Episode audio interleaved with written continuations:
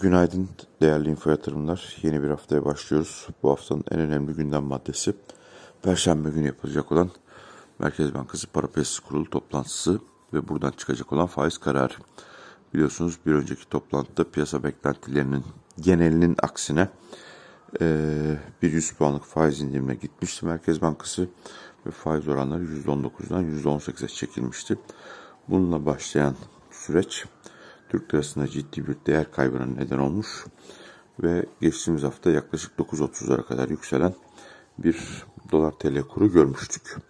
Ee, ekonominin şu anda en önemli gündem maddesi bu.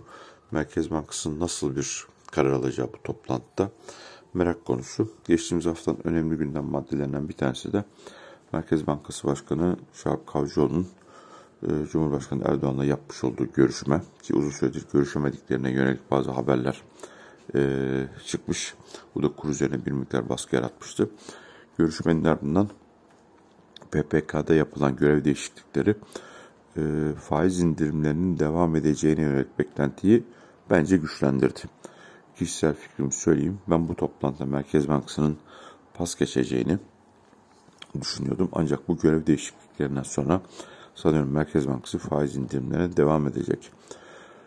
Ve bu faiz indirimlerinin devam etmesi hali bu olasılık Türk lirasında önümüzdeki dönemde değer kaybının bir miktar daha devam etmesi neden olabilir. Daha önce söylemiştim 8.80 kırıldıktan sonra 9.30'a kadar teknik olarak bir ön açılması söz konusu diye maalesef bu hayata geçti.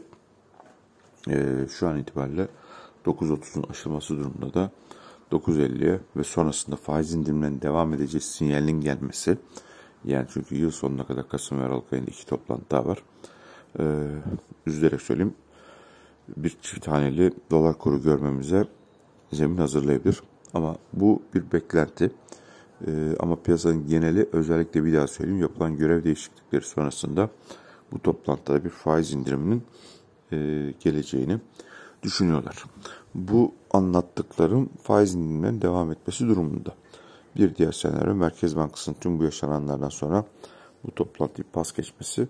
Böyle bir durumda bir değer kazanımı yani kurun geri gelmesi söz konusu olabilir ama Merkez Bankası'nın faiz indirimlerine bu toplantı olmasa devam edeceği beklentisi e, olası geri çekilmelerde de yatırımcıların döviz olan taleplerinin sürmesine neden olacaktır diye düşünüyorum.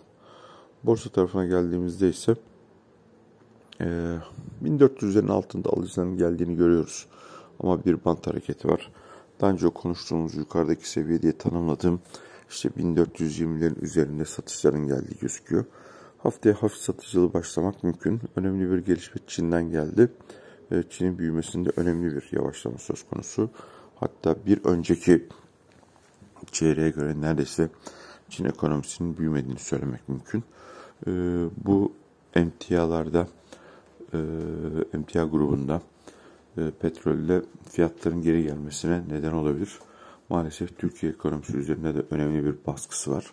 Tüm dünyada olduğu gibi. Hem emtia fiyatlarının artması, e, enerji fiyatlarının artması, Türkiye gibi ithalata bağlı üretim yapan ve enerji ithal eden bir ülke için önemli bir sorunu beraberine getiriyor. E, bunu gözlemleyeceğiz. Diğer taraftan tabii her ne kadar gündemden düşmüş gibi gözükse de hala dünyada vaka sayılarında artışlar var. Ee, bunların önümüzdeki dönemdeki etkilerini görürüz ama dediğim gibi yeni bir haftaya başlıyoruz. Ee, bu haftanın en önemli gündem maddesi neredeyse bir önceki PPK toplantısından bugüne kadar gelen ama özellikle geçtiğimiz hafta yapılan görev değişikliklerinin ardından e, gözler 21 Ekim'de yapacak olan PPK toplantısına çevrilmiş durumda. En önemli gündem maddemiz bu. Buradan çıkacak karar kur üzerinde e, belirleyici olacak. E, bir kez daha söyleyeyim. Geçtiğimiz bir iki hafta içeride söylemiştim. Kurdaki yükselişin illa borsa tarafına bir satış getireceğini, bir satış baskısı yaratacağını getirme, e, düşünmek çok doğru olmayabilir. Çünkü netice itibariyle dolar bazında iyiden iyi ucuzlayan bir e, borsa endeksi görüyoruz. Ancak ortaya çıkan volatilite, öngörülebilirliğin azalması, CDS priminin yüksekliği e, tüm bunlar ve bir hikaye yazamama hali tüm bunlar e, borsa için önemli bir e, belirsizlik belli bir bandın içinde gidip gelen bir piyasa.